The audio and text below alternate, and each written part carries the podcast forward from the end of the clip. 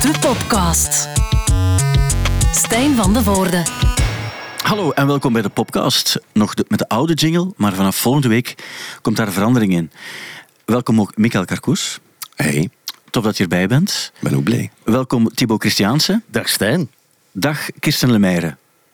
En ze is weer te laat, daarom hoor je haar niet. Maar we gaan het zo laten. Misschien komt ze nog op tijd, misschien komt ze niet. We kunnen er niet meer bij blijven stilstaan. Dat is het enige wat ik daarbij denk. Eh, Wat vooral belangrijk is, Michael, is dat jij onze special guest bent voor deze week. Super. Hoe voelt dat? Ik ben vereerd. Ja, ehm, het is niet zomaar iets. Vorige keer als je hier was, toen had je een, een EP uit. Dat was toen Where Do We Begin? Dan spreken we over 2021. Ja. En nu ben je hier terug, omdat er zeer binnenkort, en dan spreek ik echt over begin eh, november, komt er een album uit. Op 10 november, om, om heel specifiek te zijn, de titel is Hello. Ja. Mensen vragen zich af, is dat genoemd naar het openingsnummer uit What's the Story Morning Glory van de band Oasis. en ook het gedroomde openingsnummer waarbij Liam Gallagher nog steeds zijn sets begint. Ah nee, kijk, dat wist ik zelfs niet. Ja. Eh, nee, eh, het komt eigenlijk uit een film van Danny Boyle, dacht ik. Ik ben niet zeker, maar ik denk het wel. Dat is die van uh, Pulp 28 Fiction. Days... eh, Danny Boyle? Nee? Nee, Danny Boyle. Eh, van ehm, Trainspotting. Trainspotting. Ja. Ja, Ja, 28 Days Later. Oké. En eh, daar in de openingsscène ontwaakt er iemand in het ziekenhuis en beseft hij eigenlijk dat de stad Londen helemaal leeggelopen is. En dan loopt Virus- een virus was het. Ja, ja, Ja. en dan loopt hij door de stad en roept hij hello, hello. En ik vond dat zo goed en dan dacht ik van wauw, zo'n goed woord, ik wil daar ooit iets mee doen. En zo ben je ook je set begonnen op Pukkelpop. Ja, En de grap was dat er iemand zei, ik weet, was je er, stond je er ook bij? Iemand zei aan het begin zo, die zei heel veel hallo eh, tegen de mensen. En niet beseffende dat het eigenlijk gewoon het nummer was. En dan uit- op het einde van het nummer eh, kwam het wel binnen. Maar dat, is het, dat is het ding, want je hebt Pukkelpop gespeeld. Ja. Je hebt het ook al heel vaak met Goose ge- gedaan en dan wordt er telkens een tent afgebroken. Mhm. Nu ga je daar spelen met nummers die de mensen nog niet kennen. maar ik heb eigenlijk tijd opgebouwd. Ja, Hoe- hoe gaat het dan? Ehm, wel, ik heb mij wel een hele... Het was een hele uitdaging om te doen. En ehm, ik denk dat ik dat eigenlijk onderschat heb. Ehm, ik vond het fantastisch om mijn album te mogen presenteren op eh, zo'n festival als Pukkelpop, die ons eigenlijk al heel veel heeft eh, gegeven en kansen heeft gegeven, ook Ja. met Goose om nieuwe dingen eh, voor te stellen. Maar ik had eigenlijk onderschat dat de mensen die nummers ook niet gingen kennen. Ehm, dus Je dacht, waarom zingt hier iemand mee? Als je, met Goose, als je Bring It On speelt met, met, met Goose, dan weet Ja. je van, van... Dus mensen hebben maar een klank nodig. Ja, dat weten ze over wat dat gaat. Ja. Ehm, dus dagen van tevoren eh drong dat eigenlijk binnen en dacht ik van, ah nee, shit, ik ga daar eigenlijk nummers spelen dat er eigenlijk niemand kent. Dus hopelijk ga ik hun aandacht kunnen vasthouden. En dat is gelukt. Ja, dat is wel Dus gelukt. Dat was een, ehm, denk ik, de, de moeilijkste test om, eh, om een nieuw project voor te stellen. Ja. Dus ik denk vanaf nu kan het enkel nog gemakkelijk worden. Ja, maar gemakkelijk is misschien het juiste woord, maar makkelijker wel. Eh, want hou je dan ook rekening met de tijdspannen en de concentratieboog, eh, waar ook bijvoorbeeld jongere mensen al eens ehm, van beticht worden dat die minder lang zou zijn? Eh, ja, maar ik denk dat we daar geen last van hadden. Dat was een mooi gevulde tent. En voor twee uur was er toch wel wat ambiance. Ja. Dus ehm, Ja. ik denk dat... eh allee, voor mij was dat dan eigenlijk het volste compliment. Dat de nummers doen wat dat ze moeten doen op de momenten dat ik het eh, verwachtte. Ja, ik wil eh, heel graag nog verder gaan met eh, andere vragen te stellen aan jou over de muziekactualiteit, waar de podcast wel voor een groot stuk- over gaat. Maar ik ben iets vergeten, Thibaut, je weet het misschien ook, dus we zitten nu ook op Canva. Je kan ons bekijken op, op Canvas en ook op VRT Max kan je nu ook kijken als je er graag beeld bij wil. Maar ik, daarom had ik besloten om met een quote te beginnen van een muzikant. Ah ja. ja. De quote van deze week is: Een akkoord is prima. Twee akkoorden kan, net. Maar met drie akkoorden ben je jazz aan het spelen. Dat zijn de woorden van Lou Reed. Hey, Iets om over na te denken. een mooie We hoeven niet altijd daarop dieper in te gaan, maar dat was de quote die ik vergeten was bij het begin. Het is nog een beetje wennen aan eh gezien de omstandigheden. Wat ik nog wilde vragen, je hebt ook op Kramrock gespeeld afgelopen weekend. Ehm, dat was dan weer helemaal anders, omdat het dan met Goose was. Ja. Je had af en toe van het ene project naar het andere moeten gaan. Is dat lastig? Eh, nee, dat zijn echt twee verschillende werelden. En ehm, eigenlijk door de, de twee te combineren vind ik dat eigenlijk wel nog chic, omdat ik ehm, ze alle twee ook beter begrijp. Ja. Dus ehm, ik geniet er ook hard van als ik met Goose speel. Omdat ik weet dat dat iets helemaal anders is dan als ik het eh, alleen doe. En ehm, als ik het alleen doe, geniet ik er ook van, omdat het niet goed is. Maar misschien wel spannender, want dan komt het allemaal op jouw schouders terecht. Als ik het alleen doe, Ja. Eh, ja, dat heb ik ook ondervonden. Ja. Ehm, en ehm, heb ik eigenlijk beseft doorheen het proces. Ehm, ja, het is eigenlijk een hele. Het is eigenlijk een soort leercurve geweest, heel dat, dat solo-ding. Want ik had het eigenlijk ook onderschat. Je maakt nummers in de studio en dat is voor jezelf. Ja. Dan ga je gaan opnemen, dat is ook nog altijd voor jezelf. Maar dan moet je ermee naar buiten komen. En op het moment dat je naar buiten komt, dan worden er ook heel veel vragen gesteld. En moet je beginnen nadenken over live, moet je beginnen een band samenstellen, die er op dat moment nog niet was. Als de, de vraag van Pukkelpop er was, had ik nog geen band. Ja. En ehm, het feit ook dat, dat je iets doet en je naam, je eigen naam staat op een affiche, dan kunt u achter niets verbergen. Het is ook nog eens je echte naam. Het gaat niet over een soort van artiestennaam. Nee. Maar het is dus je naam die ook op je identiteitskaart staat. Ja. Dat is ook nog anders, denk ik. Ja, en, eh, maar dat maakt het voor mij echt en echt persoonlijk. Ja, maar dat geloof ik ook. Al mocht je artiestennaam de Slobberdocus zijn, dan zou het allemaal niet zoveel uitmaken, want dan is het geen hard project, dan is het geen... ehm, eh, ja, nu weet je, van, het is echt de, de bijna verpersoonlijking van hoe je wil klinken op dat ogenblik. Ja, de mens. persoonlijking van mijn emotie en de persoonlijking van wie dat ik ben. Ja, Ehm, dus het is eigenlijk een muzikaal dagboek. ja. Thibaut, je bent zo stil? Eh, Ik weet niet, ik ben heel aandachtig aan het luisteren eigenlijk. Ik begrijp het wel. Ik, eh, ik was wel ook aan het denken over de band die je hebt. Ja. Er zijn heel veel mensen die in verschillende projecten spelen. Mhm. Maar Tom, de bassist van Goose, speelt ook bas bij je soloproject. Is dat dan een andere dynamiek als je dan eerst samen als band muziek maakt en dan plots de hiërarchie ligt dan toch anders? Ik, weet- ik weet niet hoe dat, dat voor jullie is. Wel, wij werken sowieso niet echt met hiërarchie. En ehm, heb dat ook nooit gekend. Dus eigenlijk, mijn insteek was om de band te vormen. Er zijn genoeg goede muzikanten. Dat is echt geen probleem. Maar ik wou eh, dezelfde luxe, laat dat zeggen, als dat ik bij Goose heb. En dat zijn vier gasten die goed overeenkomen en die hun ego gewoon thuis laten Ja. als er al één zou zijn. Ja. Dus wou ik dat ook met mijn band, wou ik dat ook, was het vooral ehm, ja, bijna gecast op eh, hun persoonlijkheid.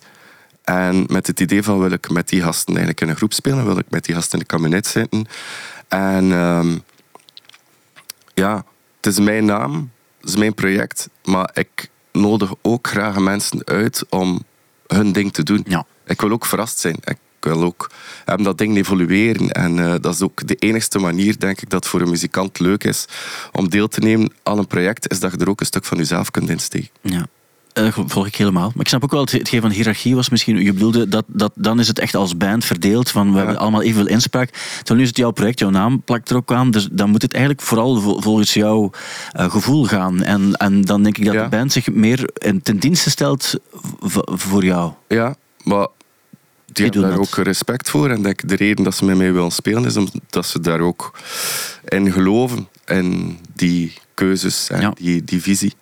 Ehm, maar ik heb eigenlijk heel lang, gevraagd, heel lang gewacht om het te vragen aan Tom. Ja. Als hij wil meedoen.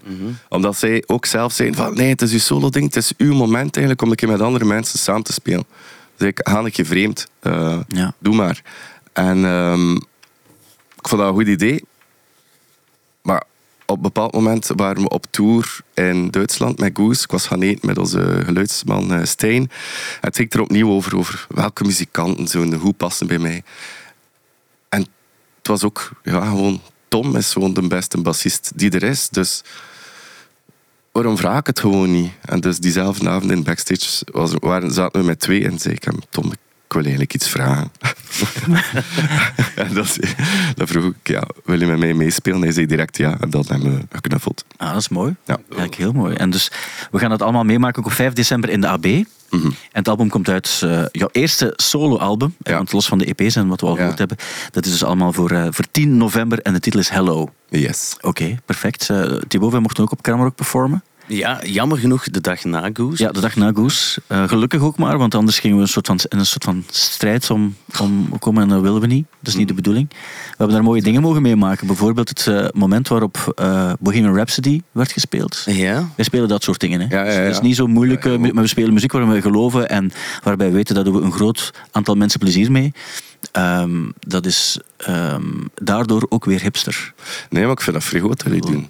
En we hebben ons goed geamuseerd daarmee ook. En ehm, eh, ik, ik, ik moest eraan denken, want Bohemian Rhapsody is een nummer dat we eigenlijk altijd spelen. Omdat niemand speelt het, omdat mensen denken dat is niet dansbaar, maar er wordt meegezongen en dan wordt er uiteindelijk ook gedanst. Ja. Ik zag nu dat er een grote veiling is van Freddie Mercury spullen. Mhm. Die is op dit ogenblik aan de gang. Gisteren, eh, dus nee, eergisteren moet ik zeggen, als je op vrijdag luistert, dus deze week, is er al een deel geveild van de 30.000 spullen. En eh, wat al eh 1,5 miljoen euro is gegaan, zijn de, de teksten die Freddie Mercury heeft Ja. verzonnen voor Bohemian Rhapsody op zo'n eh, papier geklad. 1,5 miljoen euro. Mhm.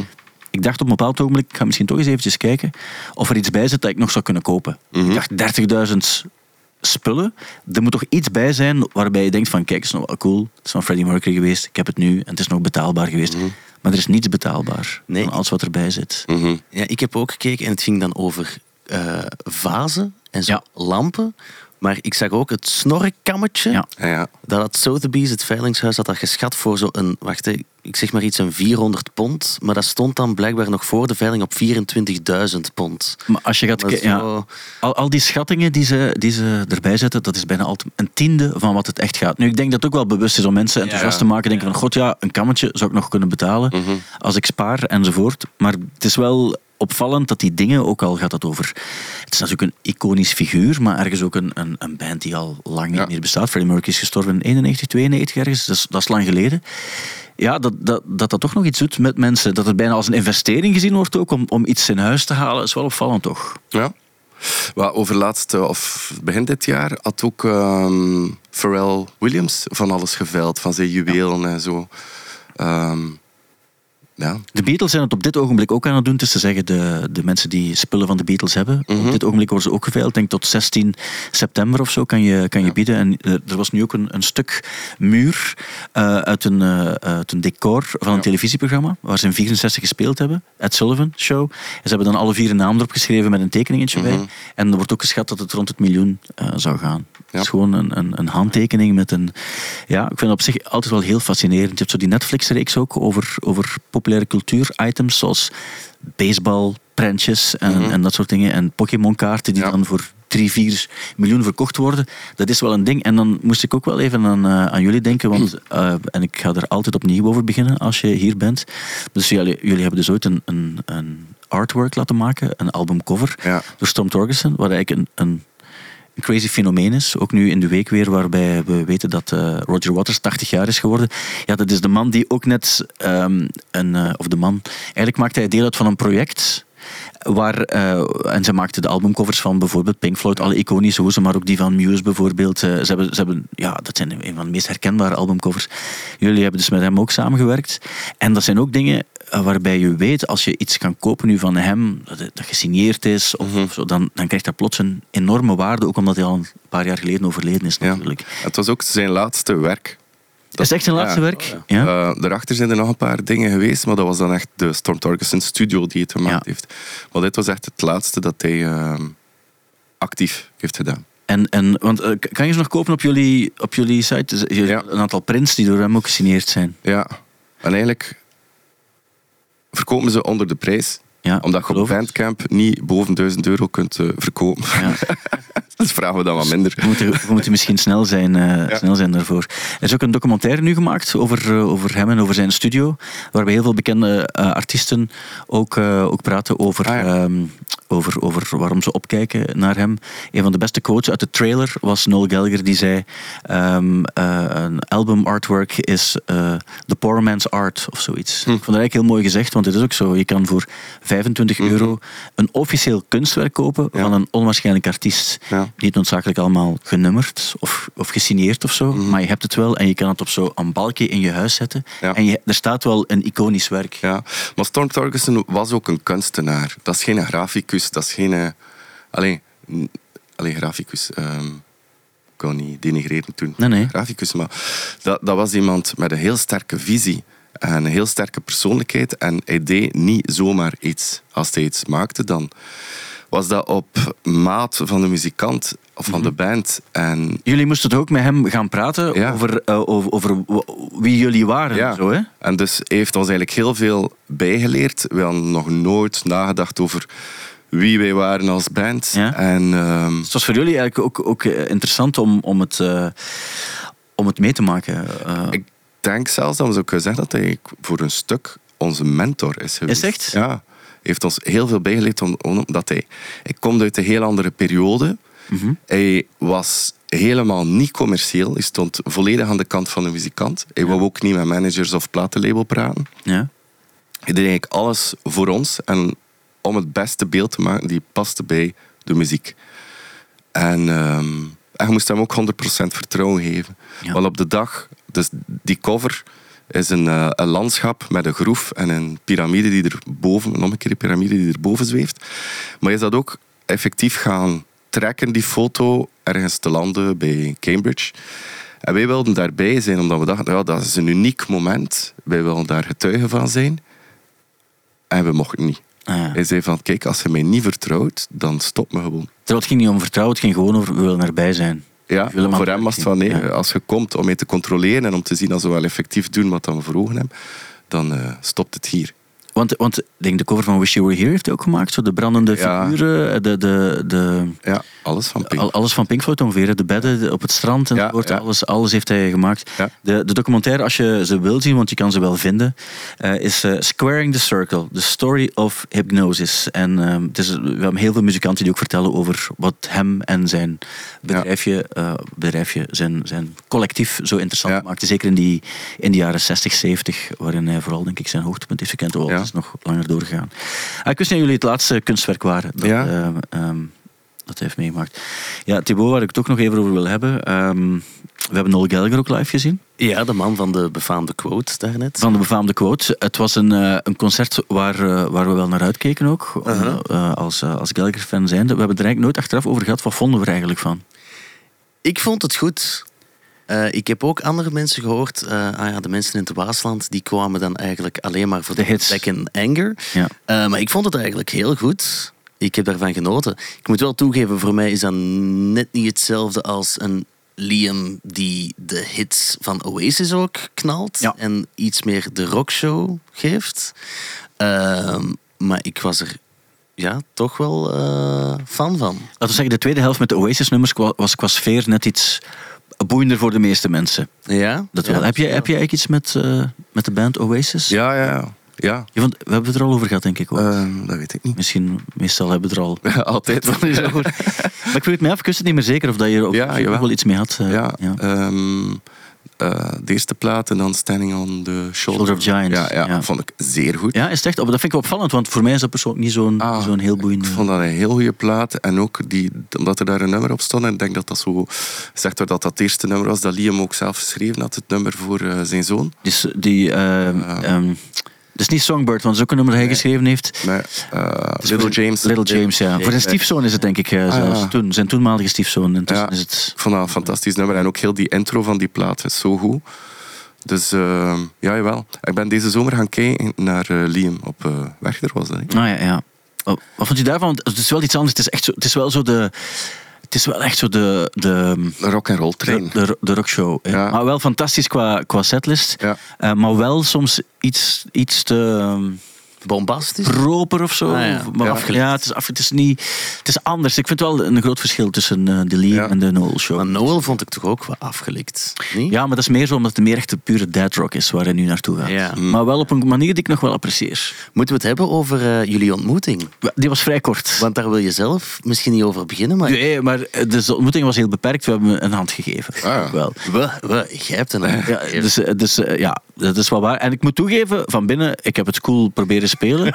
dus eh, eh, ik heb hem vroeger een paar keer mogen spreken, maar ik dacht hij zou me niet meer herkennen. Maar, maar dus we waren aan het wachten eigenlijk wel. eh, We zijn, we zijn zeer bewust Ja, we zijn bewust- gaan staan. Ja, bewust aan dingen. We dachten we gaan vertrekken, want als hij vertrekt, vertrekken we ook. Ja. En eh, hij passeerde en er was een, een vorm van herkenning. Mm. En dan hebben we een hand gegeven en iets heel kort Hij deed echt zoiets van, want nu zijn er camera's bij, hij deed van, oh, oh hier. Zo was de reactie toch ja, wel. Ja, en ik moet zeggen, nogmaals, ik heb het cool gespeeld, maar van binnen, ja, dat is een jeugdheld voor mij. Ja. Ik heb zo de eerste, de eerste twee platen die zo...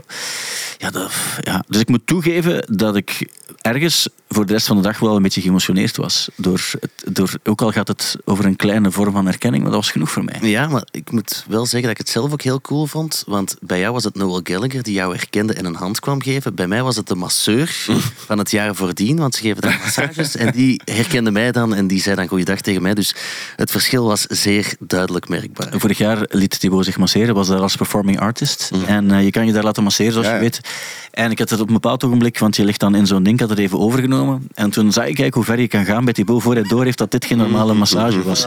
Ik kan het filmpje waarschijnlijk nog wel ergens terugvinden, eh, maar dat is een ander verhaal. Ja, Burning Man, dat is geen echt festival. Dat is een eh, tijdelijke community. Er was heel veel om te doen. Zondag, Ja. het, het, het nieuws om 7 uur. Ja.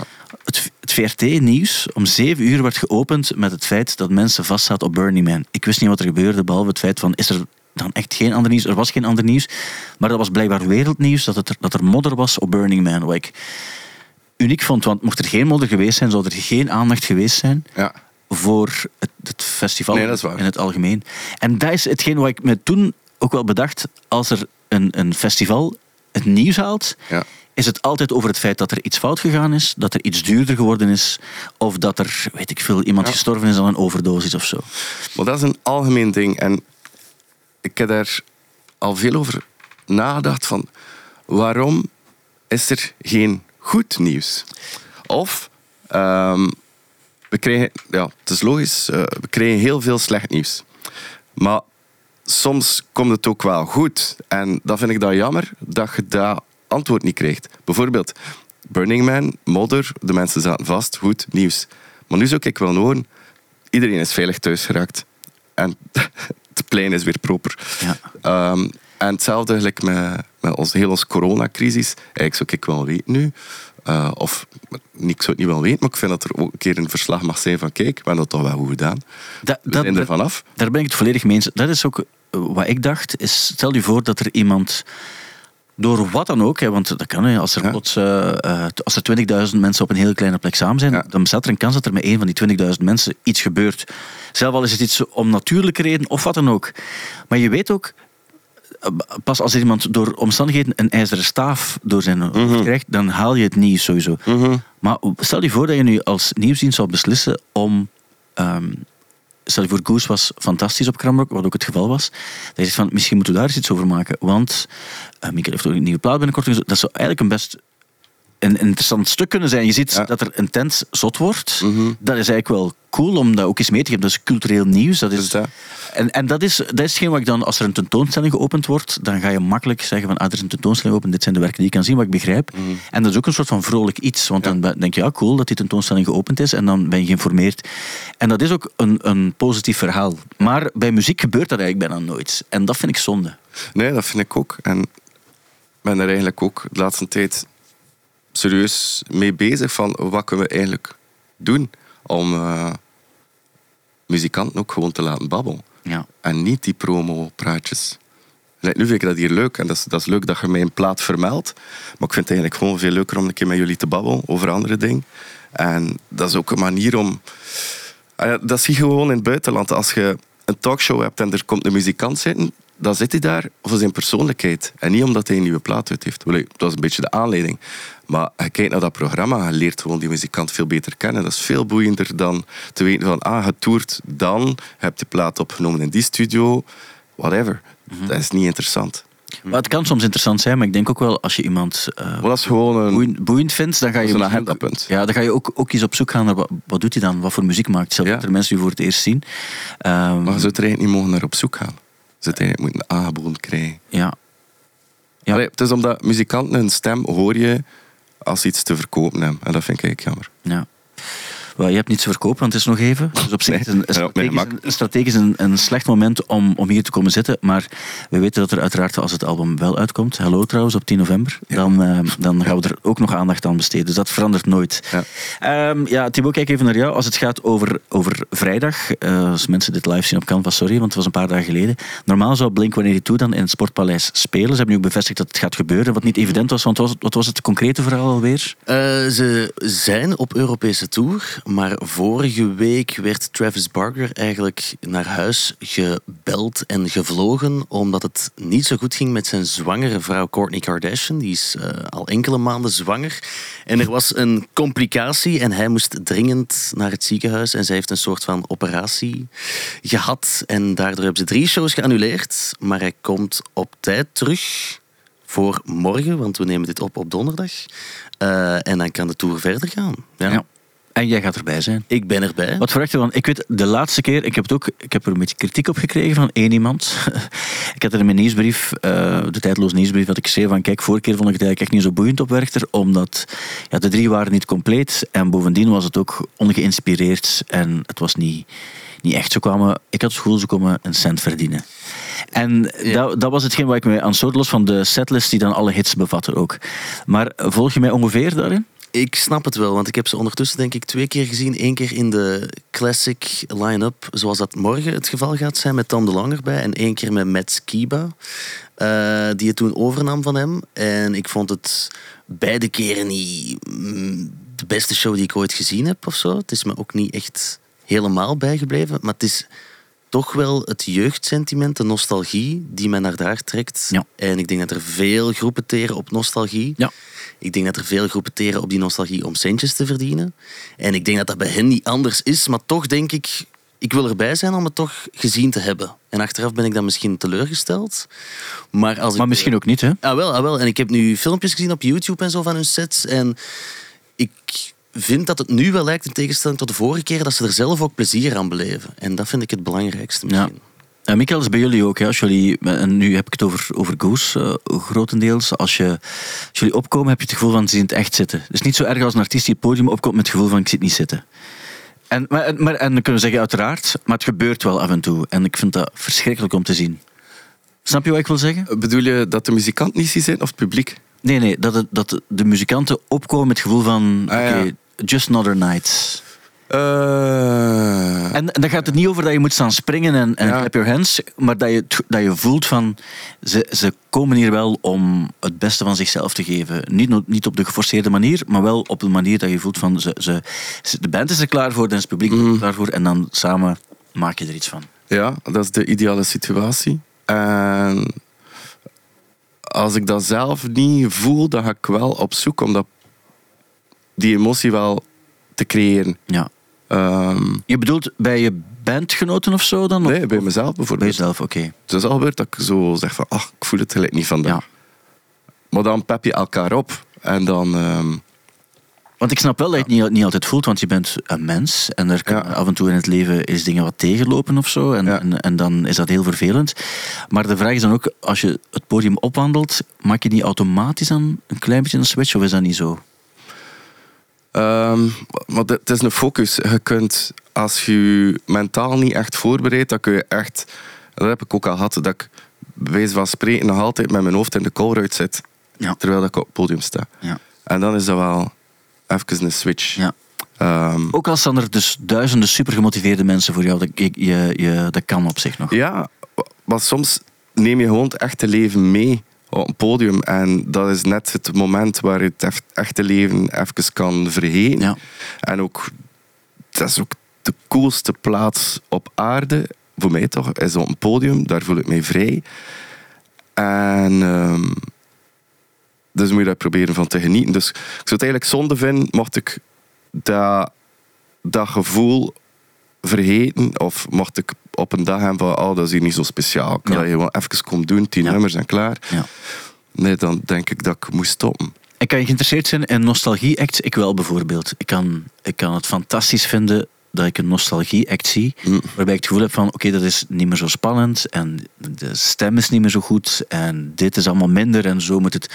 Bijvoorbeeld zo'n, eh, ik heb ooit Brian Wilson, Mm. nee, de Beach Boys op de Logische gezien. En dat was van, ik vond het fantastisch. Brian Wilson's solo is iets anders, want dan, hij zit daar, maar de, de band neemt het over Ja. en dat is, dat, is, dat is erover. Dat is zoals Bob Dylan live, dat is, voor mij kan dat eigenlijk niet meer. Maar toen dacht ik van, maar dit is toch fantastisch om dat, om dat mee te... Heb je, heb je zo- Eh, ik heb dat minder. Ehm, een paar jaar, oh, een paar, ja, toch veel jaren terug, ging ik echt staan springen om Liam Gallagher te zien, live. Ehm, nu was dat meer, oh ja, ik heb het gezien, maar het deed mij eigenlijk niet meer zoveel. Ja. Ehm, ik vind het jammer dat ik deze zomer Blur niet gezien heb op eh Lokeren. Dat is wel heel goed. Ja, en dat is ook, en dat is ook chic omdat ik jouw interview gezien heb met, met hen. Dat hij ook zegt van ja, we komen hier niet gewoon voor het verleden te spelen, maar we spelen ook wat vandaag is. Dus dat is geen nostalgie-act. Dat is gewoon een groep die al heel lang bezig is. En misschien kunnen we dat zelfs zeggen van de Rolling Stones ook. Ik wil het net zeggen. En, toch, en toch, ik snap wat je wil zeggen, maar toch vind ik bij Blur, voor mij is dat ergens wel een nostalgie-act die wel, weliswaar een heel goede nieuwe plaat gemaakt hebben en er ook nummers uit spelen. Ik denk nu wel bij de Rolling Stones, en ze gaan een nieuw album maken, stel je voor dat ze toch nog eens in ons land eh, belanden, dan hoop ik wel nog altijd dat, dat, ze- dat de nadruk ligt op een.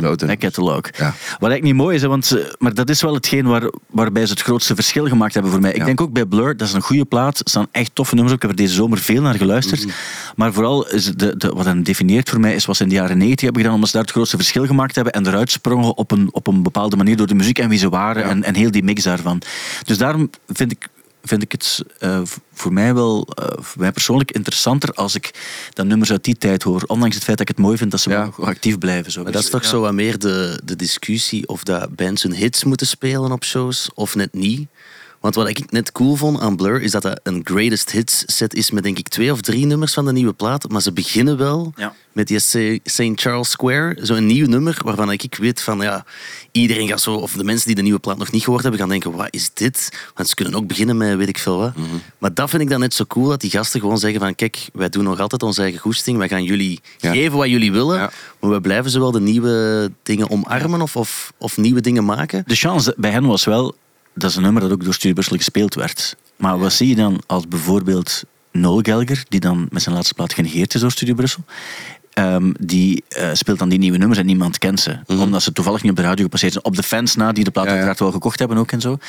Dus ik denk ook, daar hangt het ook wel voor een groot deel van af. Als, als, het, als die herkenbaar, herkenbaarheid er is, dat helpt altijd. Want als je nummers voor het eerst hoort op een festivalpodium, kan, kan soms eh, prima zijn, soms zelfs beter zijn dan de, de studioversies. Maar het helpt toch altijd als er een klein beetje herkenning is. Op, ik vind het zelf ook, als ik een nummer ken dat gespeeld wordt op een, op een podium, ge- geeft bij mij toch altijd meer zo het gevoel van, ah cool, ja. Ja, maar dat is voor het publiek. hè. Ik vind zo vanuit band zijnde, zo ja. beginnen met een nieuw nummer, dat vind ik wel cool. Ja. Dat getuigt ook wel van ballen hebben van...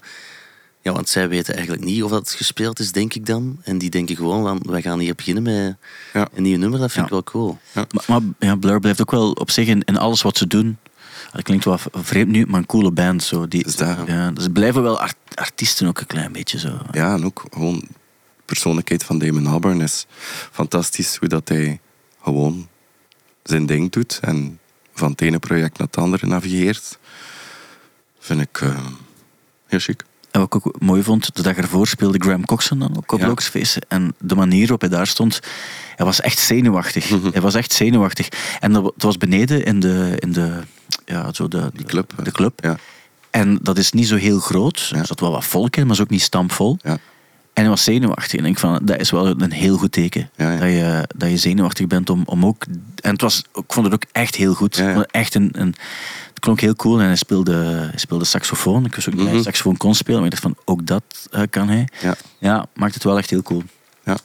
Maar deze zomer hebben we met Goose ook een, eh, een nummer van de nieuwe plaat nog toegevoegd aan de festivalset. Ja? En dat was voor ons een moment voor onszelf. Ja. Omdat inderdaad een festivalset is een combinatie van een aantal nummers waarvan dat je weet dat de mensen dat leuk gaan vinden. Mhm. Maar wij ook, hè, maar dat je een mooi moment creëert samen. Maar tegelijk is een live optreden ook een moment dat je nummers kunt een nieuw leven inblazen, of nummers die niet per se op de radio zijn gekomen, om die toch een, ehm, een leven te schenken. Ja. En bijvoorbeeld One is zo'n nummer van de eerste plaat, eh, eerste, de laatste, dat we nu live spelen. Waarom? Omdat wij dat super cool vinden. Ja. En dat we denken van kijk, wij spelen dat met zoveel overgave en met zoveel liefde. Eh, check it. Ja, ja, ja tuurlijk. En, eh, en dat is gewoon eh, een manier om een andere kant van Goose ook te, te tonen. Ja, maar ik heb het ook het omgekeerd al meegemaakt. Dat ik een nummer voor het eerst hoor op een podium. En denk ik van, maar is een cool nummer. En ga ik luisteren. En dan eh, is, blijk, blijk ik het nummer ongeveer wel te kennen. Maar Ja. ik krijg nu een andere, Ja. een andere kans of zo. Ja. Ik heb, ik heb, ja. Ja, maar like Can't Stop Me Now van Goose is ook zo'n nummer. Dat is niet echt plat gespeeld op de radio. Maar dat is een ongelooflijk live moment. Ja. In mijn hoofd is dat wel heel veel gespeeld op de radio. Maar Ja? misschien is het gewoon omdat ik, omdat ik het heel veel heb gehoord Gehoord, al bij jullie. ja. Maar ja, het is, op zich is, is het wel interessant. Zo'n setlist samenstellen, wat steek je erin, wat niet, wat, wat werkt. Sommige dingen werken gewoon ook beter live dan, dan op plaat. En, en dan kan je daar ook dingen mee gaan doen. Mhm. Eh, beter op plaat. Live? Nee, omgekeerd. Of omgekeerd. Ja. In, be- in beide richtingen werkt het ook wel, denk ik. eh. Ja. Ja. Ehm, Stop Making Sense, dat is een documentaire van Talking Heads. Die, gaat, die bestaat al lang uiteraard. Het is, eh, ja, de eerste helft van de jaren 80, zo 82, 83 is die gemaakt. En ehm, dat is Jonathan Demme heeft die gemaakt. En dan is hij nu opnieuw gerestaureerd. Komt dan op het filmfestival van Toronto wordt die ge- eh, gepresenteerd. En de big deal is dan dat de leden van Talking Heads, dat ze er ook zullen zijn voor een Q&A. En dan heb je plots het reunie gegeven van Talking Waarschijnlijk gaat dat nooit gebeuren. Misschien hoeft het ook helemaal niet. Ja. Maar het is wel cool dat er door zoiets dat die band nog eens. Ik heb dat toch altijd net zo. Ik ben nu geen grote ABBA-fan, maar die kwamen dan nog eens samen. En dat je dan toch het gevoel wil hebben van ja, want dat zijn vast nog wel vrienden omdat ze zoveel meegemaakt hebben. Dan wil je dat geloven of zo. Snap je ongeveer wat ik wil zeggen? Ja, Talking Heads vind ik ook echt chic, omdat dat ook meer is dan gewoon een band. Dat is like, eh, ik vind dat ook meer als een, mag je bijna als een kunstwerk zien. En dat blijft een inspirerend ding. ABBA niet. Daar vind ik, heb ik niets mee. Dat interesseert mij ook niet. Nee. Die mensen samen op het podium staan. Nee, wel, ik, ja, ik, ik heb dat wel bijvoorbeeld, omdat ik dat altijd wil geloven, zodat bands ook... Ik ben ook geen, geen grote eh, ABBA-liefhebber. Behalve dan dat ik in Londen naar het ding geweest ben. Ja, ja. Fantastisch. De De Avatars vond ik fantastisch wel. Hoe weird het ook was, en er zit een heel raar stukje met een tekenfilm en zo. Ik snapte, ik snapte niet waar het, Maar op zich, die Avatars, hoe dat, hoe dat gemaakt was, daar wil ik dan zoals muziekliefhebber wel eens naar gaan kijken. Of, hoe, dat, hoe dat, dat werkt, los van alles. Hè. Ehm, maar ABBA, ik heb het ook wel. En, en eh, ik moet nog, nogthans zeggen, als we dan plaatjes draaien, en Lay All Your Love, als je dat speelt. Dus op Pukkelpop bijvoorbeeld, ik denk dat er... We kunnen wel de A-punks draaien en de, en de, en de Arctic Monkeys-achtige dingen ook en zo. Maar die, die Lay All Your Love, dat heeft, heeft, heeft nergens zo hard ge, geëxplodeerd als tijdens die eerste noten van, Dat is echt zot. van ABBA. En dat zou tien jaar geleden totaal niet waar geweest zijn. ja, ja. Totaal niet. Dat is echt zo, de laatste tien jaar krijgt hij dan een boost op een of andere manier. En is, dat, is dat echt iets. Vind ik ook wel interessant. Sommige nummers dan plots een nieuw leven krijgen bij een totaal andere generatie. Ja. Maar je sprak daar straks over eh, Bohemian Rhapsody. Mhm. Ehm, soms DJ ik, maar dat is meer ja, de electro sound. Mhm. Maar ik vind het ook altijd tof om een set af te sluiten met een... Ik noem dat dan een mooi nummer. Ja, ja. ja maar ik snap je wel. Ik, dat is chic. Ieder, iedereen vindt dat tof. ik, vind, het- ik vind het ook heel tof Dat is als, een emotie dat je Ja. als zoiets gebeurt ook. Ehm, waarbij iemand iets speelt uit de comfortzone, zo Ja. of, of los Ja. van wat mensen verwachten. Ja. Dat is bijna altijd van de, de mooiste. En zeker dan als dat dan technisch ook allemaal goed, gebeurt of zo. Of, of zelfs niet dat je zegt van ik sluit af met zoiets. En, You Don't Fool Me is ook zo'n schoon om af te sluiten. Ook van Queen. Ja. Is gewoon... ja. en ook niet het meest evidente nummer. Nee, maar dat, als je dat speelt op het einde van de avond, ik geef het mee. Ja, maar- een keer en denk mij. Het blijft, nee, nee, wat niet doen, want het is, het is goed dat je, je hebt soms je eigen nummer nodig. En Nee, doe maar. Toch? Ja. Oké. Gaan, Zet dat op de stick. wij gaan dit, Ja. dit, dit weekend draaien. Waar gaan we dit weekend draaien? Eh, in eh Merksplas op Backyard Festival. Backyard Festival. Ja. Ja. Voilà. eh, en dan, want het zijn de Silver Sisters die overnemen, Lennart en, en Janus Korvits. Mhm. Ehm, dus die gaan niet weten wat er gebeurt als ze zo'n cadeau krijgen om Nee, te starten dan eigenlijk. Want ons laatste nummer is altijd het openingsnummer van iemand anders, want we sluiten niet af daar. Maar we zullen zien wat het... Zeg maar, sorry om te onderbreken. Nee, nee, je onderbreekt niet. Hebben we, we hebben het wel niet gehad over de Stones nu eigenlijk. Ja, we hebben Stones. het aangeraakt. En ik dacht, Ja, maar weet je wat het probleem is? Dus ze hebben dan, ze hebben dan deze week hebben ze de officiële aankondiging gedaan. Het album zal eh, Hackney, eh, Diamonds. Ha- Hackney Diamonds. En dan denk ik van ja, er, wat mij een beetje stoort aan, het, aan de, de Stones-lancering is... De, ten eerste, we weten het eigenlijk al twee weken dat het zo is. ja, dat dacht ik Op die persconferentie is er echt niks nieuws verteld. Ze hebben dan eh, Jimmy Fallon overgevlogen om er dan Funky Time van te maken. Er zit een bureau achter die dan zegt, we gaan dit doen. En dan gaan we stiekem al iets posten. Maar dan zegt, Ja, ik vroeg me af wat jullie daarvan vonden. En vooral van dat nieuwe nummer, die een Angry. ehm, Of dat je dat goed of, of niet goed vindt. Ik vind dat persoonlijk tof dat die gasten op die leeftijd zo nog iets maken. Maar ik hoorde ook andere mensen zeggen van, ja, allee, dat is nu toch wel een beetje triestig. En het is toch niet, niet fris meer of zo. Dus ik gooi het eh, naar jullie. ik kijk eerst naar Michael, want... Ja. ja. Eh, ik vind dat wel tof. Het is makkelijker om te zeggen, oh, ze zijn oud, waarom moest dat Ja. doen, dat we dat gehad. Maar als zij dat tof vindt, dan moet je ze laten Ja. doen. En ik geniet eigenlijk van dat enthousiasme. Ik probeer daar ook iets van te leren. En als je ziet hoe dan die gasten bijna oh, 80 en bijna 80 zijn, hoe dan die fit zijn en daar rondspringen, hoe dat je Mick Jagger zijn stem, dat klinkt niet gelijk een oude vent. Ja. Dat vind ik straf. En dan denk ik, die hebben gewoon plezier, die zijn kind gebleven. Wel, als ik 80 ben en dat ik dat ook mag doen en even relevant blijf voor veel mensen, dan eh, teken ik direct. Ik, ik heb, gisteren ging het erover in Het Kwartier, de, de podcast. En ik zat er met Jan Sprengers van Radio 1, een grote Stones-fan. En, ehm, maar dat is ook hetgeen wat ik tegen hem zei. Ik deed het om hem een beetje te poken ook. eh, om, om, ik zei, de- de enige band die die leeftijd heeft en dat enthousiasme nog heeft en ook het allemaal aan kan, dat, is wel, dat zijn wel de Stones. En ik denk wel, als ik het nummer hoorde, heb ik ook gezegd van, ah, vind ik wel tof. Maar als ik tof zeg, denk ik onmiddellijk van, tof, wat voor een woord is dat eigenlijk? En je zei het zelf, ook, ik heb het ook al gezegd, is dat eigenlijk goed als iemand zegt, het is tof? maar dat is wel, dat is wel voor, voor mij het woord dat samenvat. Is dat het nummer dat ik denk van, dit is rock and roll in 2020? Dan wel niet. Het zijn altijd Stones en, en zoals de grote Jan Sprengers gisteren ook zei, een gemiddeld nummer van de Rolling Stones is nog altijd een heel goed nummer. En dat is ook wel zo. Die brengen geen, geen bagger uit. Dat is niet dat je kan zeggen, dat is echt een slechte plaat of zo. Dat is helemaal niet het geval. Maar of dat nog het spannendste is wat er in de rock and roll bestaat in 2023, dat is iets anders. Maar het is de legacy die eraan hangt, het feit dat het die figuren zijn en... En dat het ook zo gespeeld is. Het is zo'n herkenbare sound ook die hebben. Zo'n Keith Richards effectief als hij gitaar speelt, dat is wel, dat is wel Keith Richards. En dat, dat is ook zo, in al zijn sloppiness is dat altijd wel juist sloppy gespeeld. En het heeft, ik ben ook wel blij dat dat bestaat. Dat is net zoals bij een Paul McCartney. Live, die zijn stem is ook niet meer de allersterkste, maar het is wel een Beatle die daar staat. En, en dan is dat ook die Live and Let Die met vuur erbij. En dan denk je, dat is niet hoe dat je de Beatles in je hoofd hebt, maar dat is wel nog altijd cool om, om dat te zien. En dan denk ik, dan is tof wel een goed woord. Ja. Ik vond die laatste plaats van Paul McCartney ook bijvoorbeeld heel goed. Eh, of nee, goed. Echt wel goed. Tof. Tof. ja, tof. Nee, maar dat is wel zo. Ik, ik, ik vind ook... Ik gebruik heel vaak het woord goed, of zo bijvoorbeeld. Goed en tof. En dat zijn zo dooddoenerwoorden, maar eigenlijk... Als je zegt van, ik vind echt een goede plaat, daar zit, dat is niet zo'n soort van te makkelijk woord. Als een goede goed is, dat stelt ook wel iets voor, toch? Ja, het is dat. Of het is een Maar- gast. Toffe gast, ja. Ik vind een toffe gast, dan denk ik van, ja, Ja. oké, ja. Daar is niets, toch, niets, toch niets mis mee. Wat vind jij ervan, Thibaut? Ik vind dat goede, een goede bewoording. Ik, ik Ja? vind dat je beter tof of goed zegt in plaats van ja, het mag er zijn. Ik vind dit ook gewoon echt tof dat ze dat doen. Ja. En als ik het dan vergelijk met andere groepen die misschien van dezelfde generatie zijn of zelfs nog jonger en ook al heel lang bezig blijven. Ik heb onlangs geluisterd naar het nieuwe nummer van Guns N' Roses.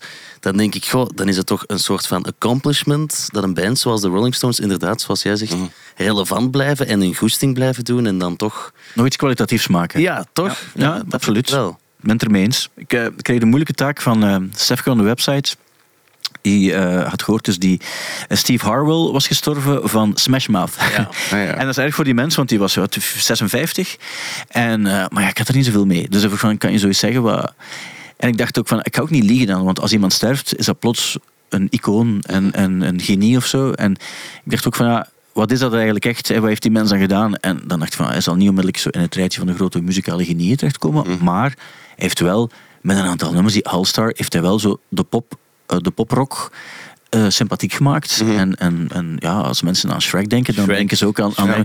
Dus dan denk ik van ja, dat is, dat is ook wel iets waar. En dan, ik denk dat ik het misschien letterlijk zo gezegd heb. Dus hij heeft wel een paar toffe poprocknummers gemaakt of zo. Dat is ook zo. En eh, daarmee heb je dan soms ook wel gezegd, ja, die mens is gestorven. Had, had, had jij iets eh, Smash Mouth? Ehm, ja, we hebben er op Studio Brussel in de ochtend ook geregeld over gebabbeld. Ehm, vooral omdat het voor mensen van mijn generatie en inderdaad de mensen die zijn opgegroeid dus met Shrek, vooral de eerste film, Ja. is die All-Star en hun cover van eh, I'm a Believer van de Monkeys, is dat wel...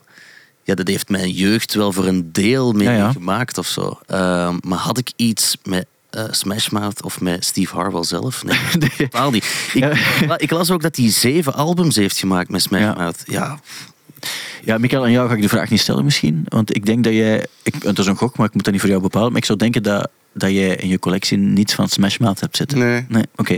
Eh, Jamie Buffett is ook gestorven. En dat is pas een verhaal, want ik kende hem wel min of meer. Hij heeft zo een nummer gemaakt in de jaren 70, Margaritaville. En het, het, het verhaal heb ik nu pas deze week leren kennen, omwille van zijn dood. Paul McCartney had een heel lang stuk geschreven over het feit dat hij een heel sympathieke man was. En hij was ooit eens in, in een van zijn resorts. Ik weet niet Zo- direct wie dat dat is. Wel, hij heeft een nummer gemaakt, Margaritaville. Dat is het nummer waarmee hij doorgebroken is in de jaren 70. En heeft hij de centen die hij verdiend heeft daarmee, heeft hij geïnvesteerd in eh, restaurants die ook Margaritaville in, eh, in resorts enzovoort. En zo is hij miljardair geworden. Dus door, door het geld wat hij verdiend heeft met zijn muziek om te zetten, een beetje zoals Bobby Aan Schoeper heeft gedaan met Bobby Aanland, het geld dat hij verdiende omzetten in, in iets waardoor je ja, ehm, daar, daar een, ja, een investering die, die je dan gaat maken. Wat op zich wel slim eh, gezien is, eh, denk ik.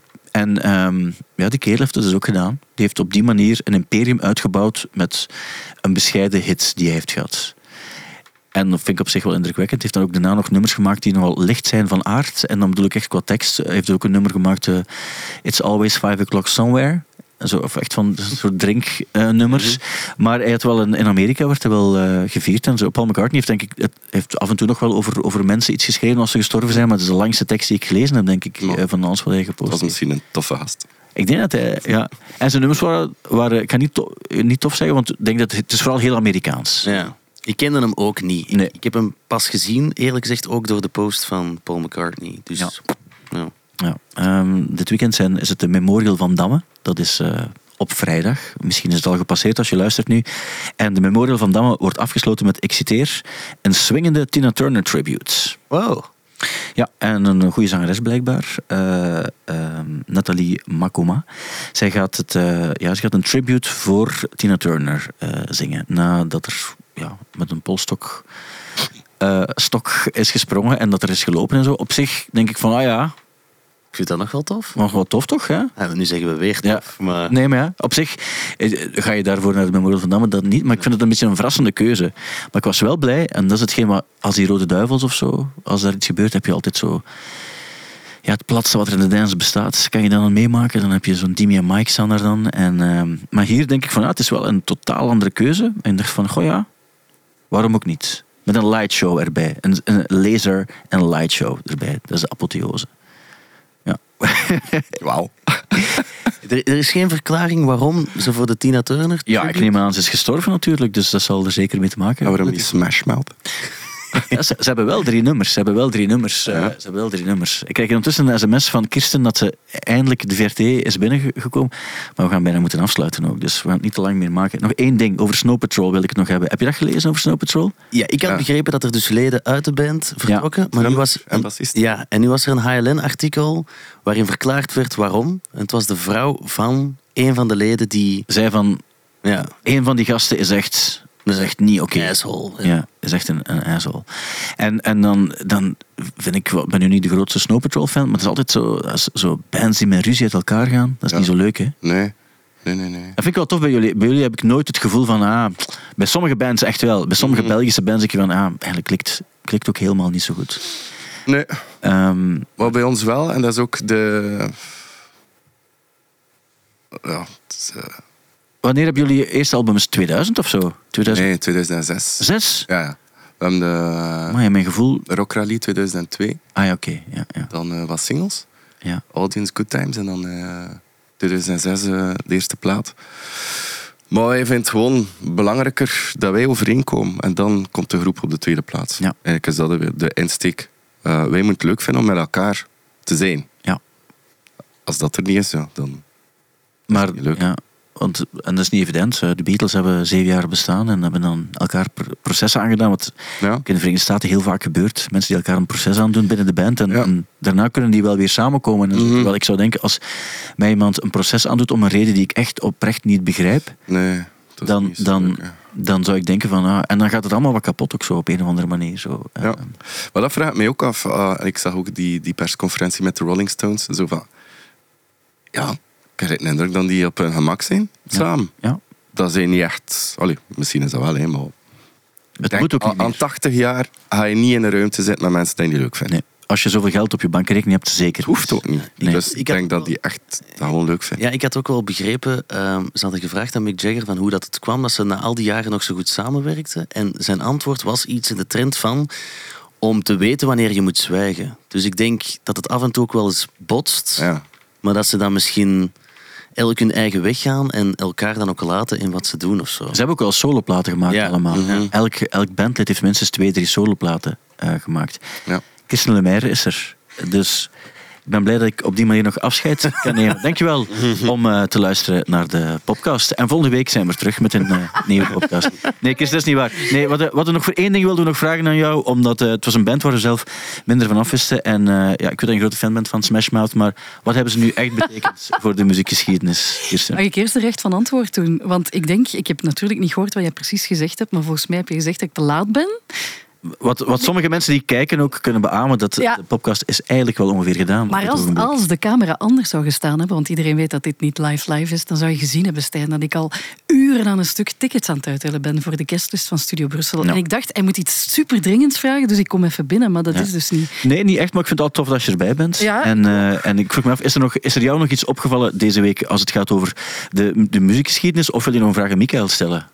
Eh, ja, ik, ik ik kom hier binnengevallen, dus ça va. alles Hey, dag goed. Kirsten. Ja. Is- Sava is zo net niet goed genoeg als vraag. Eh, nee, dat Nee, kunnen we niet, nee, niet goed wacht, eh, eh, heb je het al gehad over die dingen van ehm, die veiling? Natuurlijk. Ah ja, want ik Ja. had jou die doorgestuurd. Hè? Ja, dus ja. dan wou ik wel Ja, dat is juist, ja. wat dat, hè? Ja. Ja. Heb, je, heb je geboden op iets? Nee, het was te duur allemaal. Het was te duur. Ik heb ook al verteld dat mijn budgettaire krachten eh, een beetje uitgewerkt waren. Na, na een dag ongeveer. In het begin kon ik nog meegaan, maar dan dacht ik van nee, nee, het is allemaal te duur. Oké, Nee, nee, dat niet. Ik denk, denk, denk eigenlijk dat we, dat we over alles gepraat hebben, eh Kirsten. Ehm, goed. Nou, dan ga ik verder tickets uitdelen. Wel, doe jij rustig verder. Ja. Nog één ding wil ik, wil ik nog vragen. Hm? Ik hoorde deze week in het nieuws dat er terug coronatoestanden, Ja. eh dat je terug vaccins kon gaan halen. Ik, ik las ook dat eh, ehm, James Hetfield van Metallica, die heeft eh, corona en heeft daardoor een concert geannuleerd. Mhm. Is er nog iemand die daarover nadenkt soms? Want ik ben er op festivals, niemand, ik het- niemand denkt daar nog over na. Denken jullie soms van, ja, pff, ik vind het toch wel een beetje spannend? Of... Nee, ik ben er eigenlijk eh, gerust in.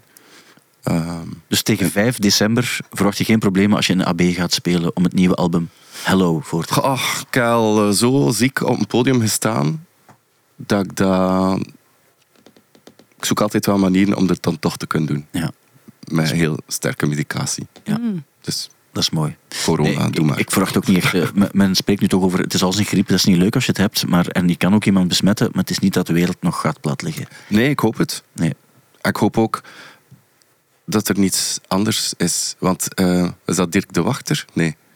Die bioloog. Filosoof. Ah nee, Nee. de- de- Dirk. Dirk Is Wachter is de Dirk filosoof. Ah, ja. Die. Ah. Ja? Heeft in het begin van de pandemie iets gezegd van kijk, dat is, we gaan daar nog veel tegenkomen.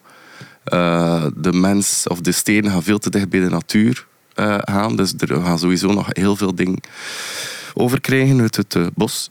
Eh, From the field. ja. En ehm, daar zit ik wel mee in. Ja. Van zo, wat gaat er nu gebeuren? Dus misschien moet het eindelijk komen. De, Misschien is het, en dat bedoel ik niet verkeerd, maar op dat gebied woon je in een heel slechte regio. Want West-Vlaanderen, als het gaat over. Ja, er- waar zitten de varkens opgehoopt? Ik bedoel dan ook zo. Waar, ja, maar niet in Kortrijk. waar- hè. waar heb je, nee, dat is juist. En dan- zeker als je in, als je in Hoogkortrijk woont. Dus dat is het. Nee, Dat is wel zo. Grote fan trouwens van, eh, van de hele regio, dus geen slecht woord eh, daarover. En zeker niet over West-Vlaanderen. Die varkens, dat is echt iets 90s eigenlijk. Hè. Ja, maar, de- maar dat is, West-Vlaanderen. Ja. Nee, ik zal één ding vertellen. Vroeger hebben we een paar keer zo een afrekening vuif gedaan in West. En dat wat ik nu vertel is echt waar, want ik kan het zelf staven. Ook voor de warmste week zelfs nog. En we hebben drie keer een afrekening vuif gedaan. En twee keer daarvan was letterlijk bij een, een soort van loods waar, waar, waar ook heel veel varkens zaten, een soort van agrarisch gebied. En één keer hebben we het ook gedaan en, ehm, ja, ook, ook bij een tent op, op een boer. En er stonden ook zo dieren, ik weet niet of het varkens waren. En dat is natuurlijk een beetje cliché zo, maar dat is wel zo. Ik heb altijd het gevoel bij West-Vlaanderen, daar heb je meer, ja, daar heb je iets meer landbouw. En ook vlees eten, dat, dat is toch nog iets dat... ehm, ik denk, verbindend. ja, maar ik denk, nee, maar ik denk ook dat, dat het, het vegetarische producten het laatst gaan doordringen in, in West-Vlaanderen. Klopt dat wat ik zeg of niet? Ik denk het niet dat dat klopt. Nee, nee. Vergeet dan wat ik heb gezegd. Maar ook het feit dat je het nog weet van die drie, wil zeggen dat dat toch een van de drie betere waren Waar je Absoluut. ooit gespeeld hebt. Absoluut, absoluut. En bovendien, ehm, dat wil ik je ook geven, want je bent zelf ook West-Vlaams, Mm. die, die wel vaarwel heeft gezegd tegen West-Vlaanderen. Ehm, maar ehm, eh, ik heb absoluut een van, de, de tofste, een van de tofste plekken waar je zoiets kan doen, is, en dat is nu wel oprecht waar, dat is wel echt in West-Vlaanderen. Het meest- West-Vlaanderen. een van de meest enthousiaste publieken die je hebt. En Limburg heeft dat ook. Ja, dus dat. Dat is echt waar. Maar er, we voelen ook een sterke verbondenheid tussen eh, Limburg en eh, West-Vlaanderen. Ja, wel, ik geloof dat ook. Ja. Dus ik zal daar nooit makkelijke opmerkingen over maken. Dat was mijn punt. Ja. Voilà. Het is gezegd. Het is gedaan. Het is gezegd. gezegd. Het is gezegd. Eh Kirsten, dankjewel om, om er toch nog bij te zijn. Ja, maar dus... Hè, Weinig over Smash Mouth gehoord. nee, maar, maar, ja, wat ehm, moet ik daarover zeggen? ja, dat is waar. Ja. Eh, dankjewel ook eh, Thibaut. Graag Om, gedaan. er, eh, om erbij te zijn. En vooral dank u aan de special guest van deze week, eh Michael Karkoes. Ik ga nog even herhalen en ik heb er geen computer voor nodig, maar ik weet op 10 november komt je album Hello uit. En op 5 december kan je naar jouw solo gaan kijken, ook in de AB. Dat is helemaal juist. Heel veel plezier daarbij en ook succes dit weekend als je in Maastricht gaat spelen Ja. om de wereld te veroveren. En dat start toch altijd in Nederland voor een klein stukje. Ik denk het ook. Voilà, dan ga ik nu afscheid nemen, dan moet ik in de camera kijken. Dankjewel om te kijken. Dit was de podcast. Heel graag tot volgende week. De podcast.